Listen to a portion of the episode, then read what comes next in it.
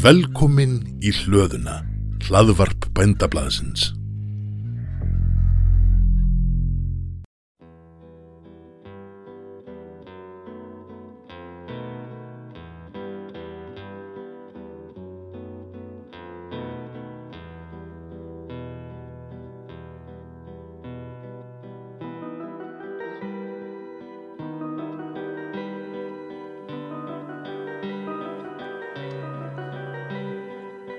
Góðan daginn hlustendur, þið eruð að hlusta á blöndu hlaðvarpstátt sögufélags.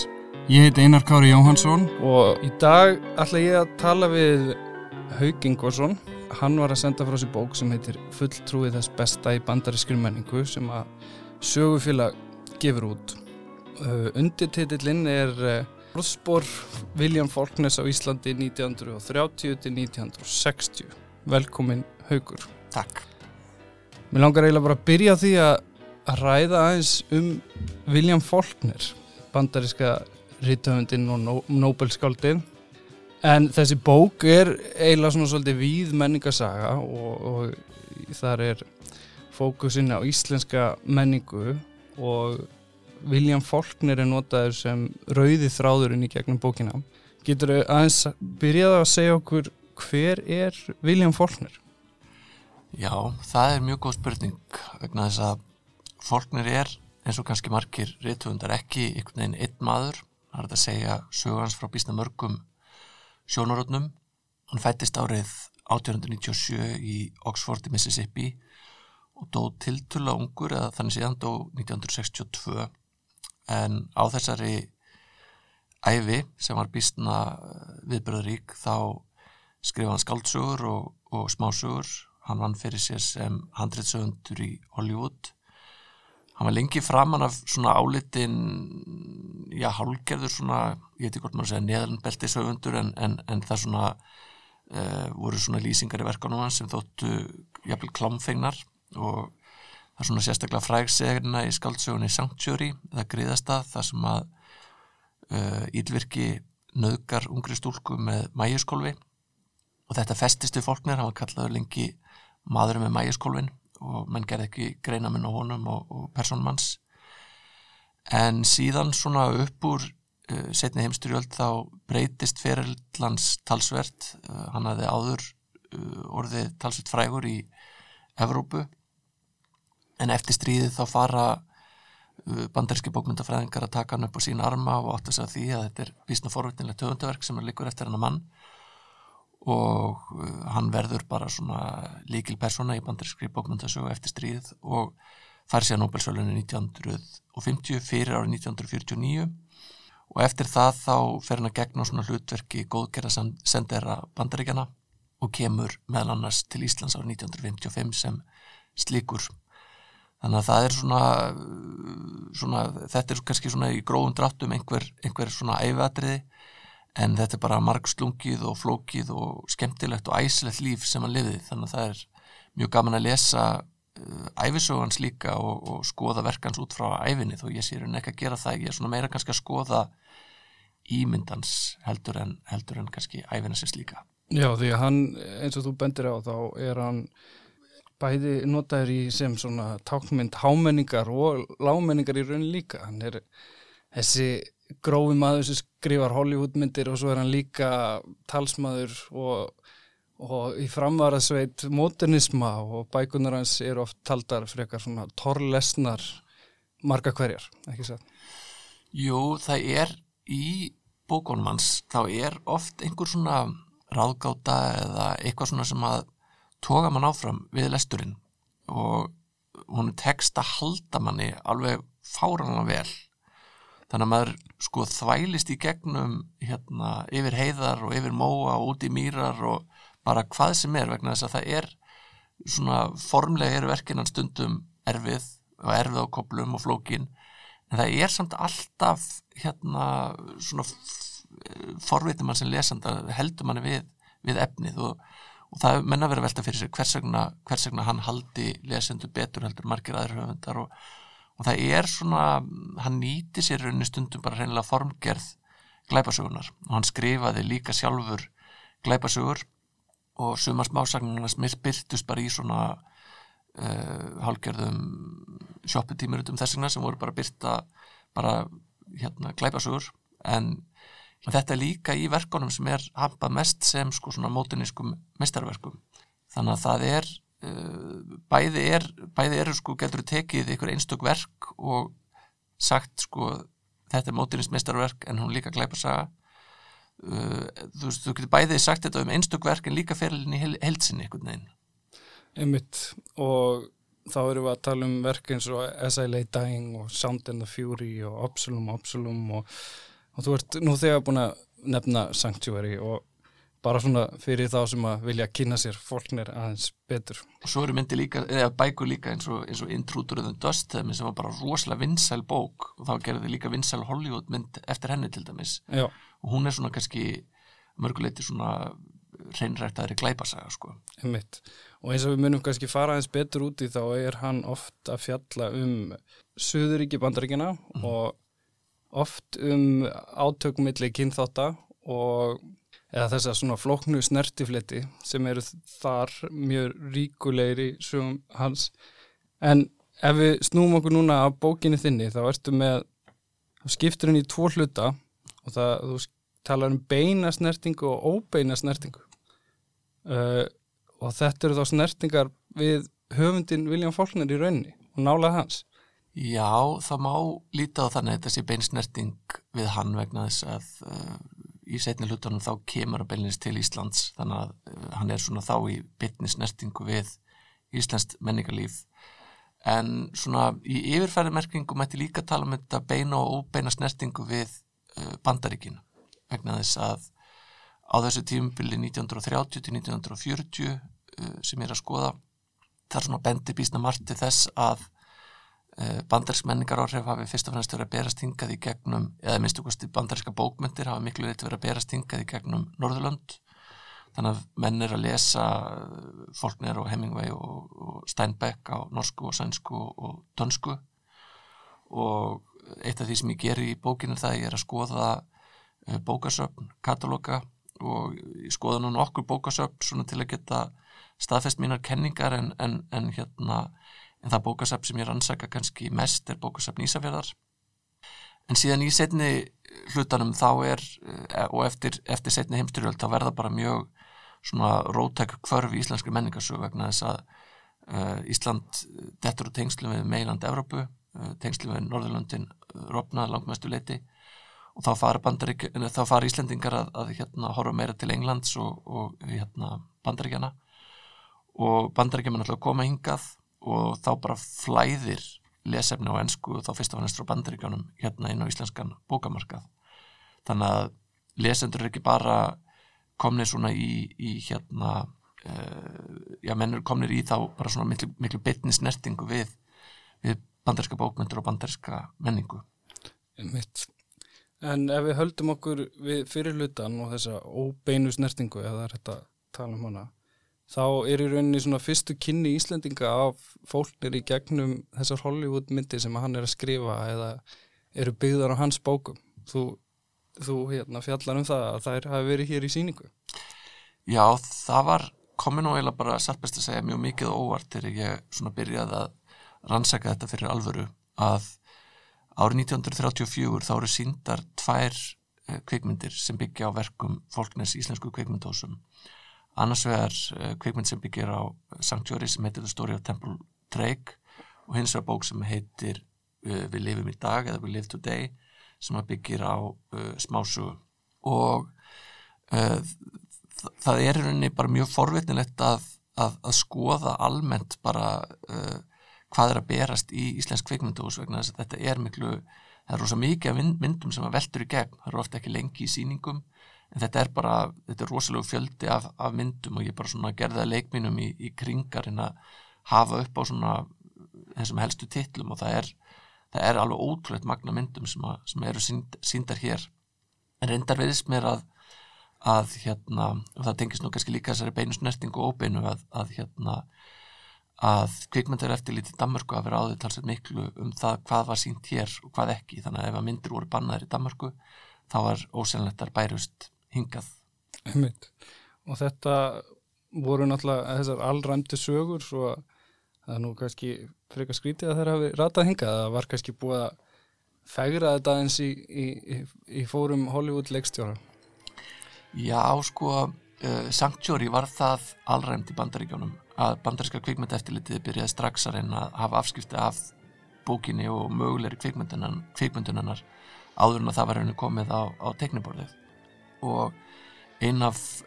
reglu, ein af, ein af hérna, skorðunum sem að gerð myndarinn var sett var það að hún mátti ekki heita Sanctuary vegna þess að það þótti minna á mikið eða sem það myndi kalla fram uh, minningar hjá lesendum uh, og jafnveg þeim sem er bara heilt orðspór bókarna myndi kalla fram uh, þessa hræðilegu minningu um, um hérna, þessa nöðgun með þessum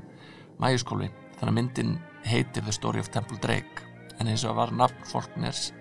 óspart notað í, í kynningu á myndinni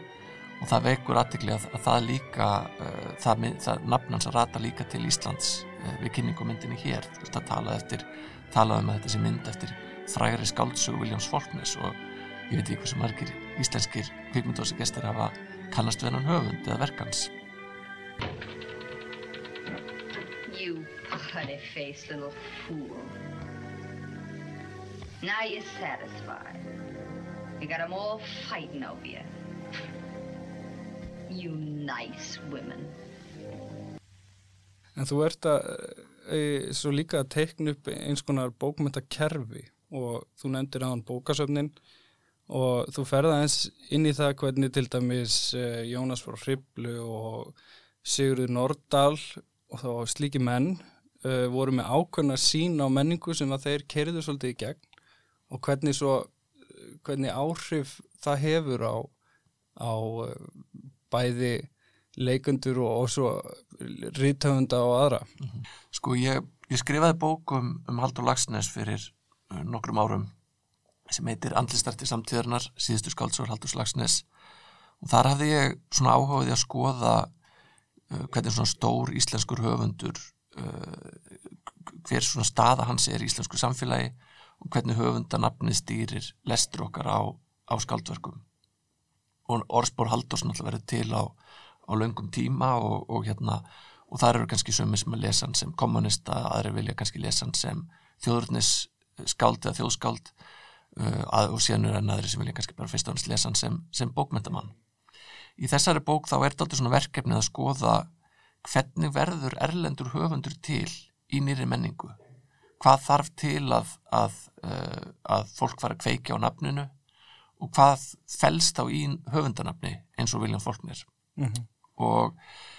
uh, ég nota þessar bókmyndakerfis uh, hugmyndir vegna þess að það er hjálpa manni svona að átta sig á því að, að bókmyndir verð ekki til í neinu tómarúmi uh, það er ekki bara þannig eins og sköpun skáldverka veldi yngungu á snillika á höfundar heldur þar líka að, að hérna það er einhver sem borgar fyrir verkið sem er þá einhverslega bakkjarl og og það er einhver sem sér um dreifingu þess og það er einhver sem sér um að þýða það ef, að, ef að það fer að melli landa og, og þar fram með göttunum og ég sá að, að eitt liður í þessari uh, sköpun uh, höfundanapsins var voru kveikmyndir annað sem að gengdi mjög mikilvæg hlutverki voru bókasöfn. Og uh, bókasöfnin á Íslandi þau eru liður í þessari þessu stóra menningaverkefni sem að hérna Jónsrásriplu uh, svona kerið áfram af talsverðinu þrótti á þriði og fjóruða áratugnum. En þar byggir hann talsvert mikið á hugmyndum sem að Sigur Nordal hafi, hafi sett fram. Uh, líst í, í í grein sem að heitir Þýðingar. Og þetta er reyndar Óláður Astrid líka fjallaðum í sinni frábæri bók uh, Háborgin. En um, á þessum tíma þegar á, á, á þriði og fjóruða áratugnum það var í rauninni bara það var engin bókavörður á Íslandi í, í fullri vinnu utan höfuborgarsæðinsins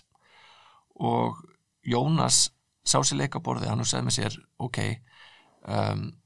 hér eru skáld eins og til dæmis Daví Stefánsson sem býr Norður Akureyri. Við þurfum einhvern veginn að geta tryggt að hann geti séð sér, séð sér farborða en við þurfum líka að, að búa til einhverslega bókmentamiðstöði í, í kringum hann. Þannig að Davíð er gerður að, að, að hérna að uh, fórstuðumanni uh, ansbókasapsins á Akureyri síðan uh, horfir uh, Jónas Vesturland og hugsa með sér þeir ekki að gera eitthvað sveipað á, á Ísafyrði og þar sér hann uh, ungan höfund, Guðmund G. Hagalín sem, a, sem a átti ættir að reykja vestur á, á, á fyrði og hann er gerður að, að yfirmanni bókasafsins á Ísafyrði Og það vil svo til að hann er mjög vel inn í bandariskum bókmyndum. Já, sko, Guðmundur hafi verið á, á eða Hagalín hafi verið á, á í Noregi á, á þriða áratugnum og kynst þar menningarlífinu nokkuð náið. Hann hafi ferðast um og haldi fyrirlestra um, um íslenska bókmyndir en þegar hann, uh, þegar hann sagt, tekur við bókasafnun á Ísafirði þá hefur hann mjög mikinn áhuga á heimsbókmyndum og mjög mikinn áhuga á bandarskum bókmyndum og hann fer bara að panta inn það helsta sem er að koma út á Norðurlandunum og það vill svo til að í Noregi uh, sem sagt var bókaklúpur sem heit Gula-serían sem að rítöndurinn Sigurd Hóel veitti fórstöðu og hann var bara veist, þvílíkur kraftaverka maður í bókaútgáfu. Hann bara las og las og las og hann skrifaði nánast, hann skrifaði svona stuttagreinagerður um, um flestar bókana.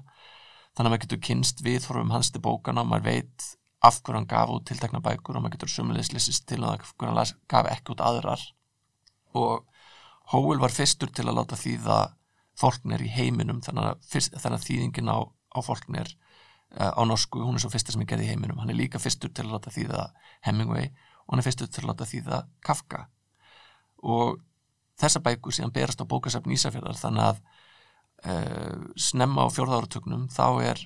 er bara Faulkner mættur á bókasafn Ísafjörðar ásamt, ásamt Kafka og, og Hemingway og ymsum fleirum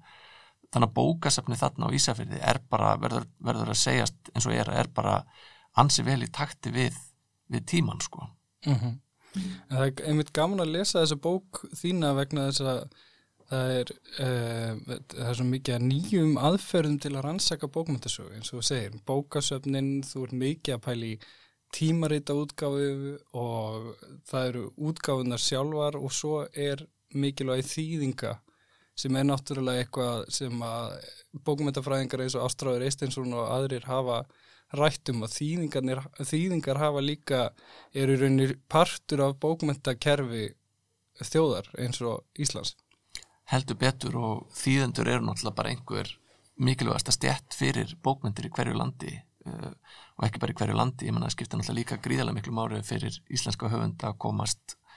uh, koma út á öðrum tungumálum en Ástráður náttúrulega hefur unnið ótrúlega mikið starf. Hann við skrifa svona greinar um stakka höfunda eins og Poe og Hemingway og fleiri. Uh, hann hefur það með fyrst og fannst að horfa á þýðingar yfir á íslensku. En það sem ég ást sérstaklega forvitnilegt með Faulkner var það að hann er þýttur til til að sent, hann kemur ekki út á íslensku fyrir 1948 en það að maður geti fundið uh, spórans í íslensku bókmyndalífi strax á fjórða áratugnum uh, gætt svona sannað eða sínt manni fram á hvað bókmyndir á öðrum málum heldur en íslensku uh, gengdu þá miklu hlutverki og gegna náttúrulega enn. En þetta er náttúrulega oft áhrif sem er mjög erfitt að kortleggja og erfitt einhvern veginn að, að hérna, ná utanum, ég menna það, það veit enginn kannski með fullir vissu hvað var selt í, í bókaverslunum hérna í, í Reykjavík, ég menna þar voru samt bókaverslanir sem einbeitt sér fyrst og fremst að selja uh, bækur á, á ellendum tungumálum. En á bókasöfnum þá hefur maður, maður hefur upplýsingar um sapkostinn og þó ég hef kannski ekki geta séð uh, einstök útlán þá er forvitnilegt hvað Hagalín var líka svona framsækin sem bókaverður og hvað hann syndi starfið sinu vel vegna þess að hann tók, út, tók saman skýslur um útlán hann, og sundurleði þá ákvaða tungumálum hérna, fólk var að lesa og, og, og fleira í þeim dúr og jafnvel stjettir og, og búsettu og annað á, á Ísafjörði þannig það eru, þar eru mjög forvitnilegar upplýsingar sem að hérna í rauninu verður að gera sér ennþá meiri matur heldur en ég ger í, í minni rittger sko. Einmitt. Og þessi stefna hans, uh, hún hefur bein áhrif á höfunda eins og þú fjallar um Guðmund Danielsson sem er nú kannski lít þekktur höfundur í svona íslenski bókmyndasögu en, en fólknir hafi bein áhrif á hans verk. Já, um, sko ég fekk uppröðinlega áhuga á uh, fólknir þegar ég var að vinna á Ríkisútvarpinu og uh, var þá að skoða svona þessa Íslands heimsóknans 1955 og fannst mjög skrítið að, að hérna ekki að vera meira um hana fjallað og sömulegist þóttu mig skrítið að, að ég fann í fljótu bræði ekki neitt um hana í svona spjaldskránni í, hjá Ríkisúttorfinu þannig ég byrjaði bara að fara í gegnum alla spjaldskrána aðfanga til ég fann að lokum bara uh, hérna spjaldar sem stóð á fólknir fyrirlestur í Háskóli Íslands ekki sendt út. Og hérna ég var svona bara hérna ansi ánæði með mig fór niður og sótti þarna stóran hlem og ég menn þetta var algjörlega ógleimali stund þegar ég sett á mig hérna hernatólinn og herði fólknir kynntan og svo kemur þessi stórkoslegi suðuríkja hreimur það er hérna það sem hann ávarpar gesti í, í hátæðsalunum Ladies and gentlemen, our tragedy today is a general and universal physical fear, so long sustained by now that we can even bear it. There are no longer problems of the spirit. There is only one question when will I be blown up? Because of this, the young man, young woman writing today has forgotten the problems of the human heart in conflict with itself, which alone can make good writing because only that is worth writing about. uh, sko ég stóð alltaf bara í þeirri trú að, að, að, að, Faulkner hefði bara komið til Íslands árið 1948 með, með þeirri fyrstu íslensku þýðingu og síðan hefði það verið höfundar eins og Guðbergur Bergson og Tór, Tór Viljánsson sem hefði svo hans miklu setna en svona þegar ég er að uh, grúska og vildi gera eitthvað smá uh, smá innslögu í útvarpið um þessa um þennan fyrirlestur áfer ég svona flett upp á tímarit.is og, og reyna að skoða uh, hvenar hann bara fyrst og góma hér á landi og, og annað slíkt. Og þá rekst ég á viðtal við Guðmund Danielsson uh, sem er sko í tímanum árið 1939 og þar er hann spurður eitthvað sem svo og hvað ert að lesa núna? Og þá segir hann ég er að lesa William Faulkner sem ég telit mesta skáldsagna höfund í heiminum í dag. Og ég er bara what? Byrju Guðmundur Danielsson byrju ansi hefur hann verið vel með á kettinum? Ég meina Faulkner er nánast óþektur í bandaríkjónum eða, eða svona lítþektur og hérna jú, ég vissi hann að verið þektur í, í Fraklandi snemma, hann þýttur þar bara uh, koma smásögur hérna snemma á, á fjóruðartögnum þannig að ég fer að grúska í þessu og, og skoða þetta uh, betur og þá átta ég mig á því hvað bókasafnu Ísafrið var feikilega mikilvægt og hvað þetta verkefni sem að Sigur Nordal og Jónsson Hriblu var rauninni vel hefnað vegna þess að þeir vildi að þetta er eitthvað slags svona bókmenta miðstöð og Guðmundur ekki Hagalín myndi einhvern veginn geta að örfa fleiri unga menn til, til að fara að skrifa. Og sem sagt Guðmundur Danielsson það kemur bara fram í eftirmálans við hérna uh, skáldsagna þríleik sem hann skrifar ára 1941-1944 sem að heitir í heilsin af jörðarstu komin þar bara segir hann hreint út bara þessi bók er skrifið undir beinum áhrifum frá uh, skáldsögum Viljáns Fólkners sem ég las á bókasafn Ísafjörðar þannig að það þurfti ekkert eitthvað það, hann var ekkert að fara eins og köttur kringum hittan uh, með þessa staðrind sko. En það sem er það sem er, það sem er ekki svona sérstaklega forvitnilegt með Guðmund er að ég held að hann hafa mjög snemma og ég held að Haglín hafi líka átt að segja mjög snemma að, að fólknir ætti eftir að vera stór höfundur en þess að þeir eru að minna á þessi tengsl stöðut þeir eru alltaf, þeir eru alltaf að minna á þetta öðru kvoru og þetta kemur síðast fram í grein sem að, að Guðmundur Danielsson skrifar í tilöfnu okkur stóramæli Hagalins að þar segir hann sko, þar kynntist ég meðan hann var bókaður þar kynntist í verkum fólknist þannig að ég held að hann hafði vita að þetta væri gæti verið svona spennandi líkil að hans, hans verkum en, en sérstætt já, ég fjalla talsvægt ítalega um þennan þríleik uh, í hérna bókinni sem heitir af Jörðarstu komin. Og þar er það fyrst og fremst skaldsagan uh, Ljósi Ágúst sem hann er að, er, að, er að sækja til.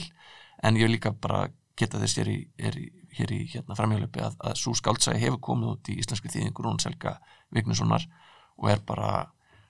bara ég hvet allar til að lesa hana. Þetta er mjög flott útgáfa eða flott, flott þýðing hjá, hjá Rúnari Einmitt. Uh,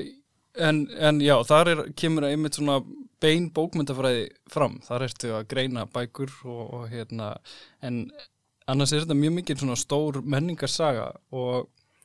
þér er svolítið andum að teikna upp tíman, það er að segja ná einhvern veginn utan um, stemminguna og, og hvað var að gerast í þjóðfélaginu og áhrifin og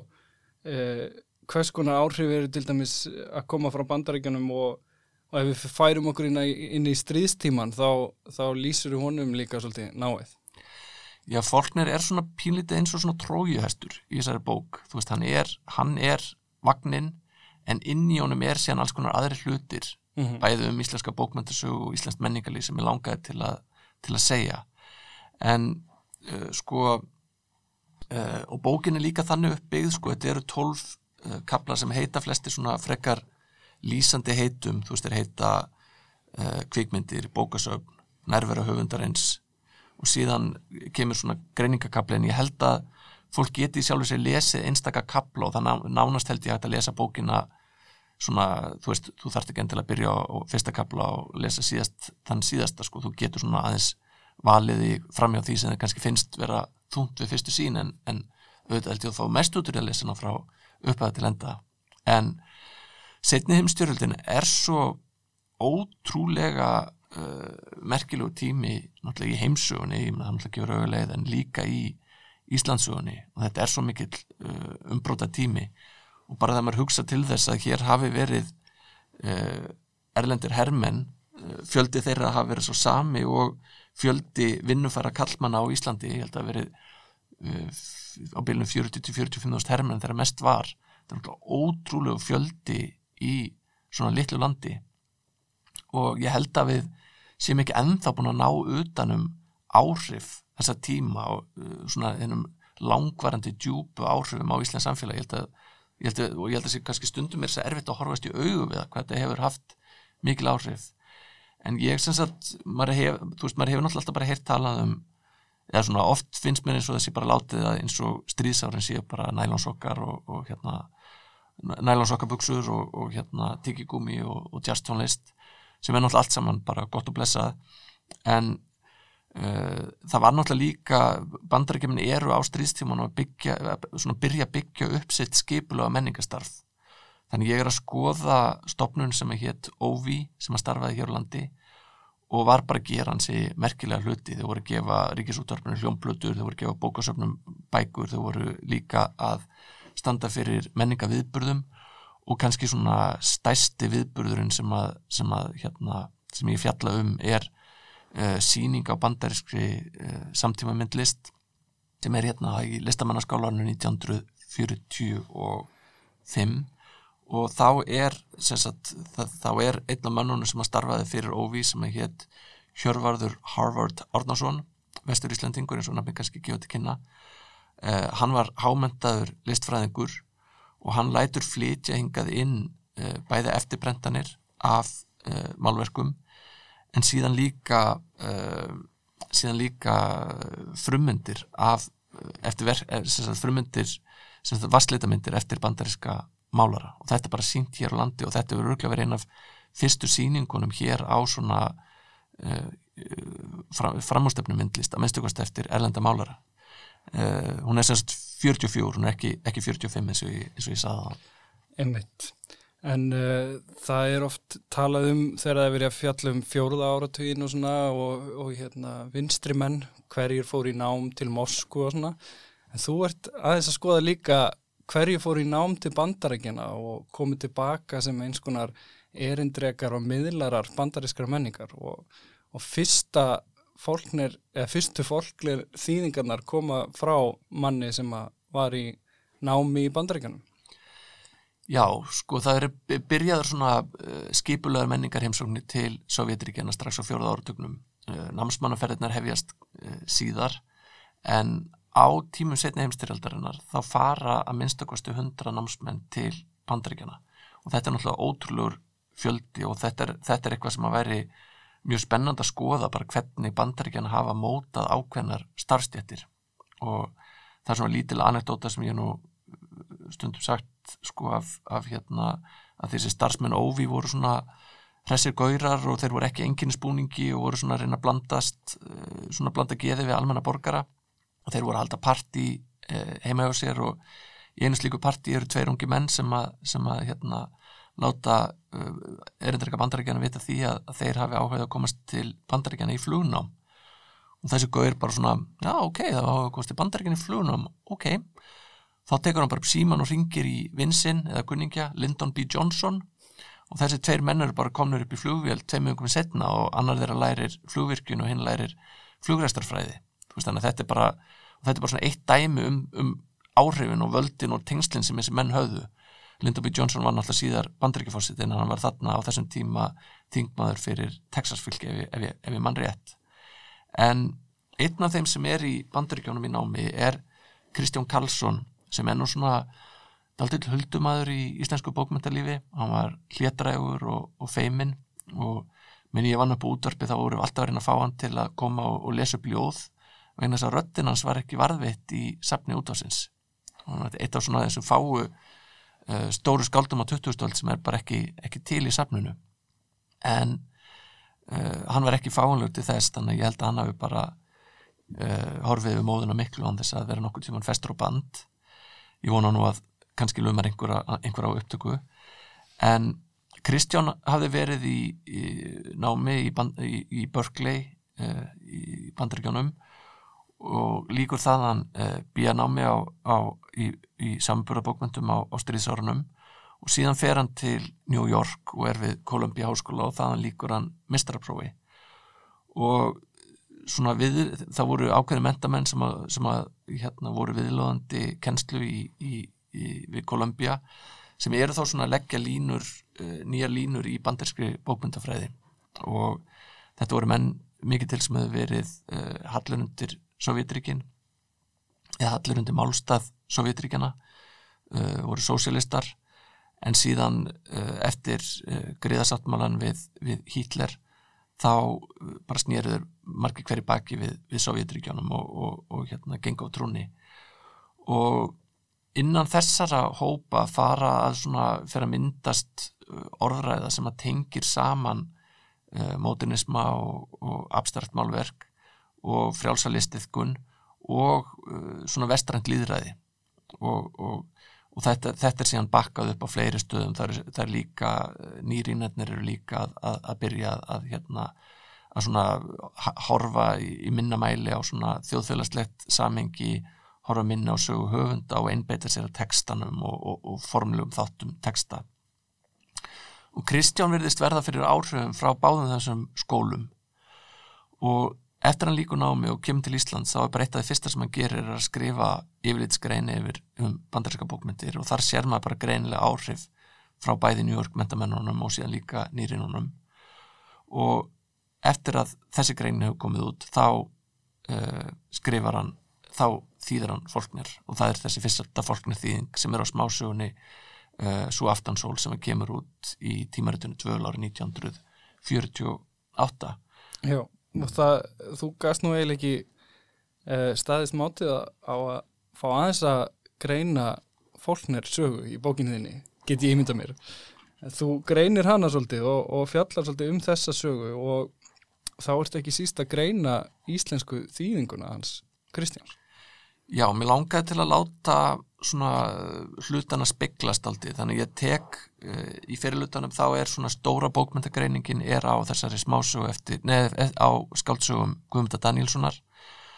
og svona rauður þráður í þeirri greiningu er uh, hvernig uh, Guðmundur er að reyna að endurgera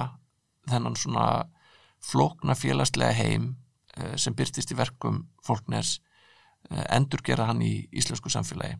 Og í skáldsögum fólkners uh, þá er þetta svona mjög breið samfélagsín og hann getur verið að lýsa í sama verkinu bara svörtu vinnufólki og síðan bara hvítu hástjettinni og öllu þar á milli. Og eitt af því sem kemur ljós í, í skáldsögu Guðmunda Danielsson er það að, að litur er eitt af því sem að eða litarhaft er eitt af því sem að sem að hérna sem verðist að skipt máli þegar er verið að aðgreina fólk. Og það er fátækur vinnumadur á, á hérna bænum sem hann lýsir sem að sem er fyrst svona gefnir ímsir eiginleikar eins og það að hann sé með þykkar varir og hann eh, sé svona gefin fyrir tónlist og fleiri þeim dúr. Og maður fer svona að hugsa býta er verið að lýsa hérna svörtu manni? Og síðan bara í, í mjög svona dramatísku atriði í skáldsögunni þá er uh, ein kvennpersona sem segir bara við hennan unga mann þú ert negri. Þannig að, þannig að litaráttur skiptir líka máli í, í samhengi skáldsögunar en þennan þráð teki upp aftur í umfjöllunum um uh, þessa þýðingu Kristján Karlssonar. Og svo aftansóli er mjög forvetnileg smásaga vegna hún heitir eftir blúslægi og það verið svona leita líkur á því að, að, að hérna að uh, sagt, uh, svarta vinnukonan uh, í skáldsögunni sem heitir Nanna í þýðingu Kristjáns að hún sé rauninni eins og svona blússöngkona sem er að rekja raunin sínar. Það sé svona og blúsin hafi bein áhrif á formgerð sögunar sem er forvittnilegt I hate to see that evening sun go down Yes, I hate to see that evening sun go down. Cause it makes me feel like I'm on my last go round. En þetta er svona það er svona ákveðin eigða í frásögninni og þá komum aftur að þessu svona spennusagna elementi sem er í svo mörgum af, af smásögum, eða mörgum af sögum fólkners að þessi vinnukona hún er að vinna fyrir uh, hvít fólk og uh, börnin á heimilinu eru stundum send til að vekja hana af því að hún er hérna uh, býr í kofa og er að, er að sofa yfir sig. Og eitt skipti þau koma að vekja hana þá er einhver maður í, í kofanum hjá henni. Og maður veit ekki hvort hún er að sofa hjá, hvítumönnum eða svörtum eða, eða hvað nákvæmlega er í gangi en, en síðan sem sagt á hún uh, hérna kærasta sem heitir Jésús og hann má alls ekki koma á heimili hvítufjölskyldunar en hann gerir það samt og situr í eldhúsinu og er að tala mjög óvarlega og svo hverfur hann og sést ekki meiri í sögunni. Og maður veit ekkert hvað verður um hann. Og þetta er svona eigða, þetta er svona dæmum eina af þessum ráðgótum sem að bara maður hérna heldur áfram að brjóta heilanum löngu eftir að lesturinn er lokið. En uh, sem sagt hérna vinnukonan hún er svona fyrst mjög hérna boru brött og góð með sig. En eftir að Jésús hverfur þá fer hún að verða alltaf svona varar og varar um sig. Þá svona eins og vaksandi hystería. Og uh, sá, les, sá leskilningur sem að, sem að, sem að ég sá lesáttur sem ég fylgi þessar sögu er raunir sá að, að hérna að uh, Jésús hafi verið fórnalamb uh, aftöku án dóms og laga. Hvítumennir hafi bara ráðist á hann út af því annarkvort út af því að hann var að þvælast í, á heimilinu eða því að út af þessum óvarlegu orðum sem hann lætur falla í eldhúsinu eða mögulega vegna þess að það eru hvítir menn sem að, sem að hérna hafa verið að sofa hjá nönnu og, og eiga erfitt með að, að hérna fella sig við að, að, að hann sé þarna sveimandi kring. Já, þessar eh, aftökur án, án dóms og laga eru er stef sem að fylgir fólknir. Og ef við vindum okkur í svona setni hluta bókarina sem fjallar um kalda menningastriðið og, og svona hvernig bækur voru svolítið miðlegar í þeim átökum þá er, eru til dæmis uh, þú fjallar um það hvernig sko vinstri blöðin og hægri blöðin er að tólka fólknir og, og þau tólka hann eftir sínu eigin nefi og það er svolítið áhugavert að hann sé ekki, hann er ekki stimplaður hægri höfundur, nýja vinstri höfundur alveg strax allavega. Og, og þá kemur til dæmis uh, aftakan á Emmett Till inn í þær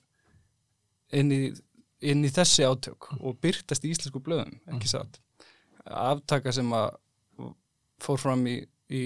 söður hluta bandarækina Sko þessi hérna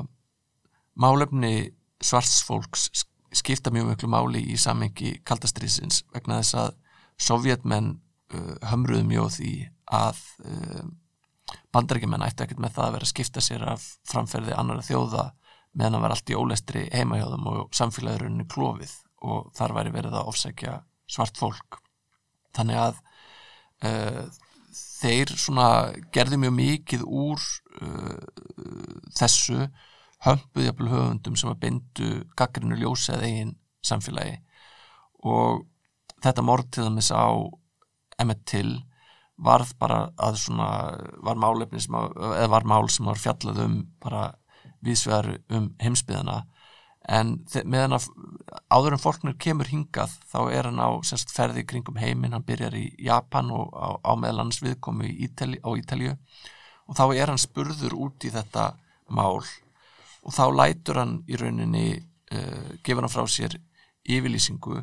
sem að uh, bara vinstri uh, pressan grýpur á lofti og fer bara eins og eldur um sinu í, í, í hérna, vinstrupressunni bara um allan heim. Og þessi yfirlýsing hún ratar í hérna þjóðviljan þannig að, þannig að menn eru sem sagt byrjar að áður en að, áður en að hérna, fólknir er komin til Íslands þá er byrjað að, að, að hérna, fjalla um olgu í bandaríkjónum út af síknudómi yfir þessum kvítumönnum sem að höfðu orðið til að bana. Og þar eru umæli fólknirs gripinn af lofti og þar segir hann ef við bandaríkjuminn eru komnir á það örvæntingastík í menningunni að við verðum að myrða börn hver sem ástæðan er þá eigum við ekki skilið að eiga okkur framtíð og munum sennilega heldur ekki eigana þetta sem það segir hann og þetta er komið til Íslands og íslensku blöðun árun og fólkinn kemur hinga til lands. Þannig að það, þetta er mjög gott dæmum það sem bara hvað mentamenn gengdu mikilvæg hlutverki í samfélagsumröða þessum tíma og hvað í raunni orðriðtönd og höfðu mikið vægi. Algjörlega. Og, og hérna í þessari bók þá ert þú aðeins að fjalla um skipulagt menningastarf hægrimanna það er náttúrulega mikið verið fjallað um vinstri armin og, og svona maður, mætti, það mætti eiginlega halda að, öll menn, allt menningastarf á Íslandi hafi í raunni verið í höndu vinstri manna maður, oft þegar maður lítur yfir sögu þessar ára en, en svo er alls ekki og þú ert svolítið að fókusa á svona andkommunist menningastarf kannski eða hvernig uh, fólknir er notaður og, og þá fjallar við til dæmis um þetta fyrirbæri sem heitir Congress of Culture of Freedom mm. getur þú sagt okkur aðeins hvað það er? Já, þetta eru samtök sem voru stopnuð árið 1950 í Berlín á fjölmennu þingi og fyrst í stað uh, þá litaði starfsmenn talsveit mikið af því að þetta voru uh, vinst, þetta voru semst mentamenn sem hefur verið trúaður á Sovjetríkin en voru gengnir af trúni uh, fljótlega er samt ákveð að þetta sé svona kannski full einhæft að vera yngungu að predika gegn Sovjetríkjónum og samtökinn fara að leggja meira áherslu á menningastarf og árið 1952 þá er haldinn svona bara mjög stór listráðstefna í, í París. Og þar er verið að uh, sína uh, svona bara því besta sem var í gangi í uh, Evrópu og Bandaríkjónum þessum tíma. En það er líka verið að flytja til dæmis tónverk Sjóstokovits sem hefur verið bönnuð í Sovjetríkjónum þannig að það hefur verið svona gaggrina Sovjetríkin með því að sína fram og það sé ekki allt lift þar en á sama tíma er verið að sína hvað uh, listamenn á, á, á Vesturlöndum og bandaríkanum með Evrópu eru, eru frjálsir. Og sögnin er einhver leiti svo að, að, að þessi samband milli frjáls, frjálslar listiðkunar, uh, mótinisma og abstrakt listar og uh, vestræns líðræðis og um, þessi samtök svona það er kannski aldrei flókið að, að rekja nákvæmlega tilurðar söguðura Eh, eitt af því sem að tengist þeim náið er, er rítgerðarsafni Guðin sem brást þar sem að sex svona þungavektamenn í, í vestrættu menningu uh, greindu frá vonbyrðunum sem Sovjetríkin hefðu valdið þeim. Guðin sem brást eru sem sagt Sovjetríkin og, og þeir sem sagt, þetta eru menn sem að, sem að gengu af trunni en uh, höfustöðasamtakana voru í París og þar voru bandariskir leinithjónustu menn sem að sátu og, og heldum þræði og fengu fjármagn sem þeir nótuð meðal annars til að uh, fjármagn, eða sem sagt stiðja tímaritt sem að voru þá svona halda upp í málflutningi sem að voru, var þóknarlegur bandaríkjónum og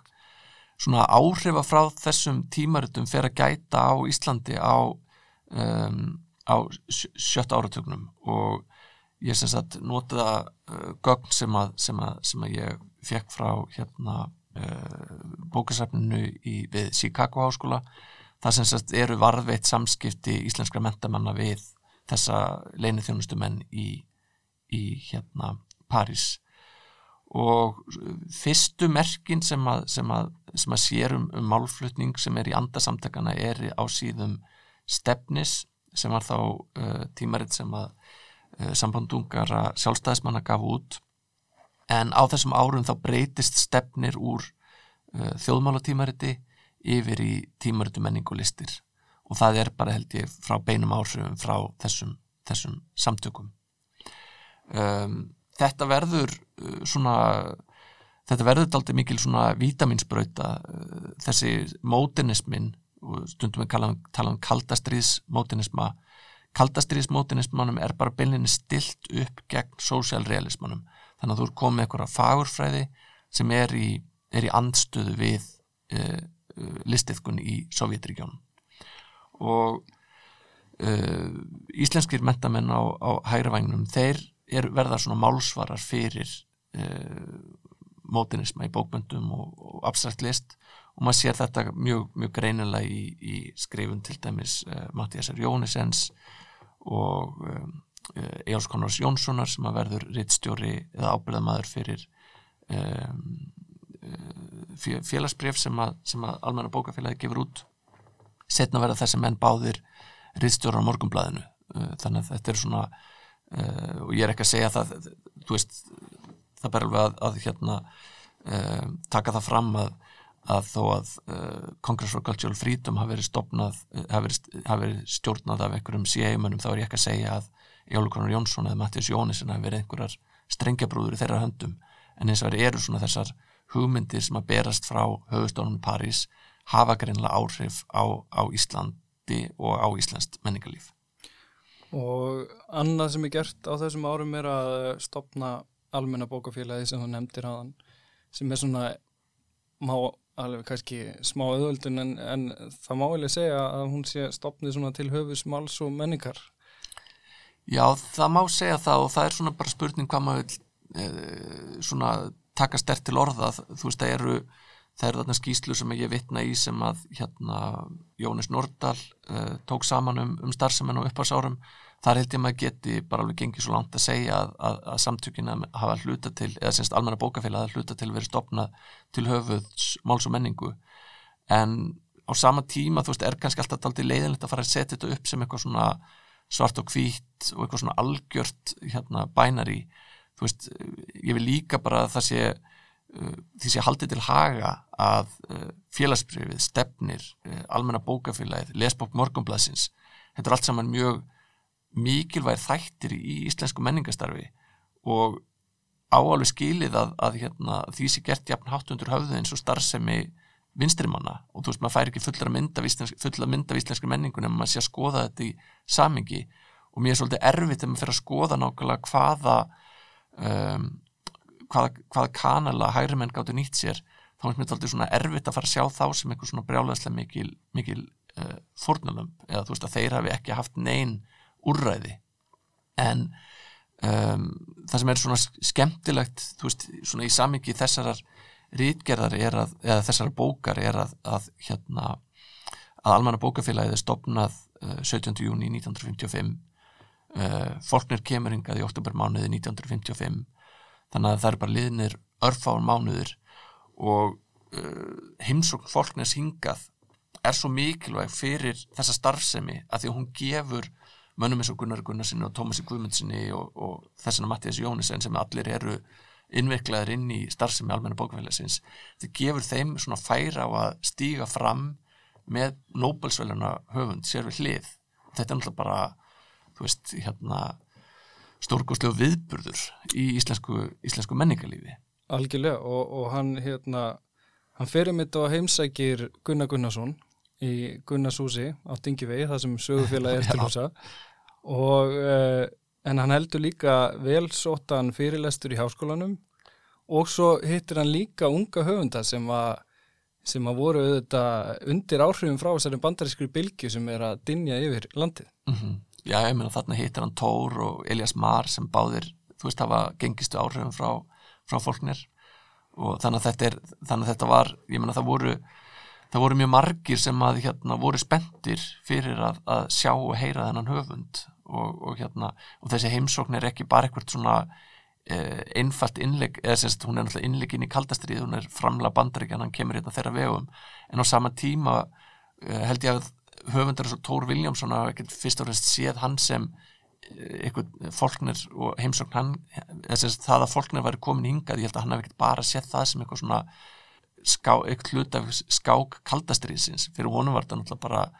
stórkoslegt tækifæri til að fá að hitta þennan höfund sem hann hafi kynst að Parísararunum sínum og, og hérna fannst náttúrulega bara, var bara svona eina hans stóru fyrirmyndum sko. Já, en svo, svo ert þú með skýslur uh, svona bandariskra erindreka sem, a, sem að líta kannski frekar á fólknir sem skákmann á stóru taflborði eða eitthvað. Já, og það náttúrulega er, er það sem er svona gerðist bak við tjöldin var að það náttúrulega fylst mjög náu með því hvaða viðbröð heimsóknans fekk og hverjan fekk til að, að hérna mæta og þar til göttunum og það sem bandaríkjumenn voru mjög ánæðið með var að, að fólknir uh, uh, hann náði til svona vinstisinnar mentamanna sem að, að bandaríkjumenn töldu að þeir hefðu, hef, þeir hefðu ekki átt upp á pallborði hjá þeim áður. En þú veist þetta er svona þessi rannsókn mín er svona hluti af uh, svona ströymum sem eru núna daldið að reyðja sér til rúms í svona rannsóknum á bókmyndum og menningasögu og sögu almennt það sem er, sem er verið að skoða ímislegt, það er ekki bara verið að skoða bókmyndateksta eða bara verið að skoða sögulega samingi, heldur er verið að reyna að búa til, heldur er verið að nýta svona marg háttuð gögn, þú veist, þannig ég er að fara í mitt skjálasöfni bandaríkjónum, ég er að skoða bókasöfni, ég er að skoða bækur og, og bókagerð og bókasýningar þessina, þannig að þetta er svona það er verið að skoða bókmyndirnar svona frá svona, svona mjög fjölþættu sjónaröfni Já, og fyrst við erum komnir þarna á árið 1955 þá hérna, kemur út smásagnasafn eftir fólknir hjá almenna bók, uh, bókafélaginu. En uh, svo gerist hitt að Lagsnes fær Nobelsverlun mm -hmm. og í þessum skýslum þínum þá er svona þá er talað svolítið um þetta Lagsnes vandamál Já, já, ég menna, Lagstins var náttúrulega alveg ótrúlega stór stærð í uh, bandarísku, nei, í íslensku menningarlífi og það er strax á, á stríðsórunum eru mennfarnir að, að velta honum fyrir sér. Og þannig að það var svona, hérna, bandaríkjumennu voru alltaf fyrir sér hvort að fólkin geti mögulega sendt honum kveðju eða, eða vegna þess að Lagstins væri, hérna, hjekumlegur höfundur og, eða hjekumlegur maður og hún myndi þykja það mikil, mikil svert að fá, hérna, fá einhvern skeiti frá, frá, frá, hérna, frá fólknir. Þannig að þeir eru svona, uh, þú veist, uh, ég veit ekki hvað maður á ganga langt í að, að hérna,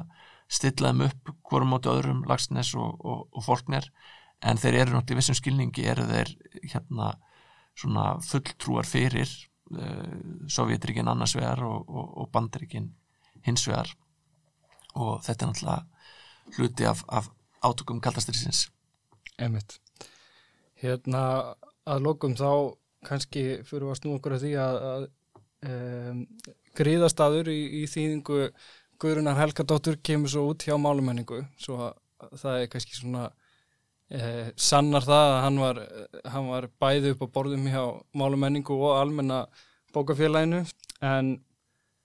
upp úr uh, já, á sjönda áratögnum fer hann kannski að vera, og í lok uh, sjötta áratögnum þá verður hann kannski svolítið svona gamaldags eða hvað? Ég held nú að fólknir hafa aldrei orðið gammaldags og hann er alltaf, þú veist, hann er alltaf alveg ótrúlega körrandi raunni, sko, vegna þess að til dæmis á uh, sjötta áratögnum þá, hann hefur svo mikil áhrif til dæmis á frönsku nýbylgjuhöfundana og þú veist, í hérna myndum Godard er verið að sýta hann alveg hægri vinstri þannig að hann verður, þú veist, hjá 68 kynsluðinni bara, þú veist, það er eins og bensín þar inn. Já, og þú veist, í dag er endalist verið að vísa í hann í þessum stóru hérna, bandarísku þáttaröðum. Þú veist, eins og þeimins í Mad Men ég meina þá liggur Don Draper og les Faulkner, þú veist, þannig að það er þú veist, hann er, hann er, og hann er svona ólíkt mörgum öðru Nobelsvölunahöfundum þá er salan, salaverkans alltaf að, að aukast. Og það er alveg ótrúlega fjölbreyttur hópur höfunda sem að, sem að hampar Faulkner og talar um hann sem, sem sína fyrirmynd, þannig að gamaldags hefur hann aldrei orðið í þeim skilningi en hins vegar náttúrulega komið fram uh, hann náttúrulega eldist og þá komið fram aðrir höfundar eins og Salinger og Nabokov sem voru kannski meira körrent og bítskaldin og eitthvað svoleiðis. En, en hérna en Faulkner svona veist, hann átti, hann átti alltaf sína alltaf sína talsmenn og kannski var það bara bókmyndafræðingar þarna á þessum tíma það voru sem að fóra sem fór að tala um hann eins og einhvers slags uh, föður í hérna, eða afa jafnvel í band, bandariskum bókmyndum en unga fólkið og, og jaðarfólkið það er alltaf að finna eitthvað nýtt eitthvað nýtt bensin, eitthvað nýtt, eitthvað eldfind í, í verkum fólknes Algjörlega. Hérna, þú ert líka með ljóðabók núna fyrir jólin. Hellingur, hellingur í gangi hjá þér og nýtt babb. Já, og ökupróf upp á vasan Já. það er, það er allt í gangi Já, ég er líka með, með ljóðabók sem heitir Menn sem elska menn hún er svona uh, talsveit minni í sniðum heldur en, heldur en þessi bók en ég held nú samt að það er svona kveðist á með, með sínum hætti ég held hana svona, ég veit eitthvað marga lesenda sem hefur les, lesendur hefur lesið báða bækurnar en, en ég held svona kannski að það séu einhverjir einhverjir tengibúndar Já, það eru þannig snertifletir, fletir, ég get staðfesta. En ég ætla bara að þakka þér kærlega fyrir að koma í þáttinn og ræða þetta við okkur. Og uh, fulltrúið þess besta í bandarískri menningu er fánlega á sögufélag.is og í öllum helstu bóka verslunum landsins. Ég vil svo endilega hvetja ykkur til þess að fylgja blöndu á helstu hlaðvarsveitum og hlusta á eldri þætti og svo að lokum bara takk fyrir að hlusta. Takk hjá fyrir mig